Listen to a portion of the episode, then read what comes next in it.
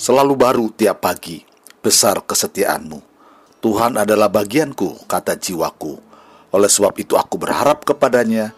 Tuhan adalah baik bagi orang-orang yang berharap kepadanya, bagi jiwa yang mencari dia. Adalah baik menanti dengan diam pertolongan Tuhan. Selamat mendengarkan renungan pagi ini. Tuhan memberkati. Shalom Bapak Ibu semua yang dikasihi oleh Tuhan Yesus. Renungan kita berjudul Dia Pasti Datang. Sedangkan firman Tuhan terambil dari Injil Lukas pasal yang ke-23 ayat yang ke-34. Demikian bunyi firman Tuhan.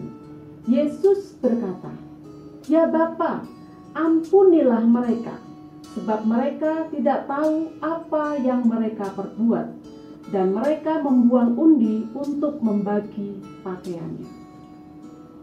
Tanggal 24 Mei 2021 yang lalu, jawapos.com menulis berita tentang seorang pesepeda yang bernama John Daniel, 62 tahun, meninggal di Jalan Layang Nontol atau JLNT, Kampung Melayu, Tanah Abang.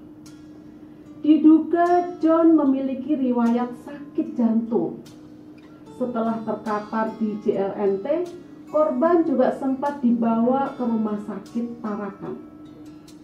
Saat diperiksa, detak jantung korban sangat tinggi, mencapai 180 bpm. Bisa kita bayangkan bagaimana keluarganya shock mendengar berita tersebut. Siapa yang menyangka bahwa hari itu adalah hari terakhir John Daniel? Jangankan keluarganya, John Daniel pun pasti tidak menyangka bahwa hari itu adalah hari terakhirnya. Ketika membaca berita tersebut, saya teringat kejadian tanggal 1 Juni tahun 2018 silam. Waktu itu saya sedang menginap di rumah kakak perempuan saya. Tidak ada yang berbeda di hari itu. Kami bangun pagi, lalu bersama-sama memasak makanan, kami bercengkrama seperti biasa. Seharian kami lewati tanpa ada sesuatu yang aneh kami rasakan. Hingga malam hari, ketika kami bertiga tengah berbincang, tiba-tiba kakak perempuan saya minta suaminya untuk mengerok karena merasa kurang enak badan. Kakak ipar saya mengiyakan dan segera bangkit dari tempat duduk.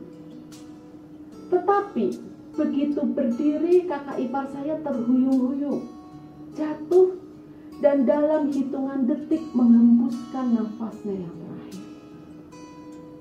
Semua kami tidak menyangka malam itu adalah malam terakhir bagi kakak ipar. Dua kisah di atas hanyalah sedikit kisah dari banyak sekali kisah kematian yang datang secara mendadak dan tidak terduga.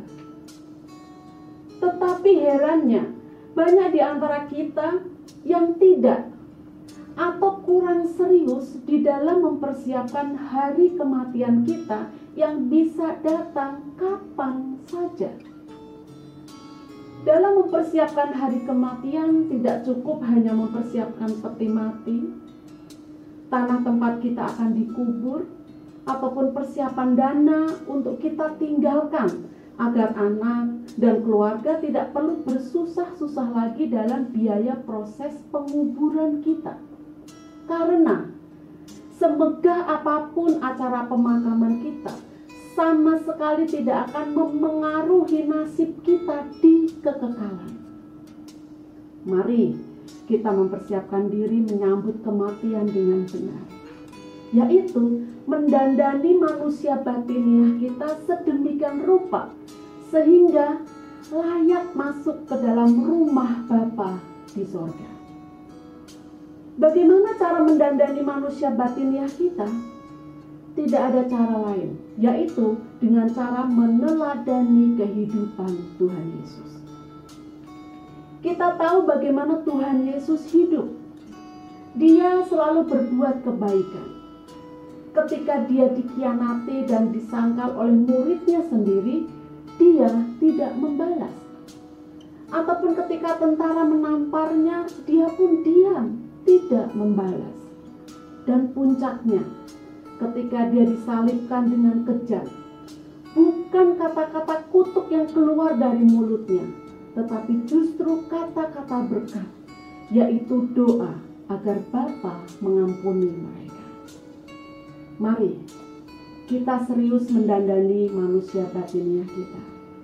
Sehingga ketika kita menghadap Sang Pencipta, Dia mengenal dan menerima kita di kemahnya yang kudus dan mulia. Kata-kata bijak, kematian sudah pasti. Persiapkan diri menyambutnya dengan mendandani manusia batiniah kita menjadi serupa Kristus. Mari kita berdoa. Bapa yang baik, betapa aku ingin selalu meneladani Tuhan Yesus yang berarti kami tengah mendandani manusia batiniah kami. Mampukan aku ya Bapa. Dalam nama Tuhan Yesus kami berdoa dan bersyukur. Amin. Puji Tuhan, saudara yang dikasih Tuhan, saya percaya firman Tuhan menjadi berkat dan kekuatan buat saudara semua dan Roh Kudus akan memberikan pemahaman yang lebih dalam tentang kebenaran firman Tuhan. Tuhan Yesus memberkati saudara semua. Sampai jumpa dalam renungan yang berikutnya. Haleluya!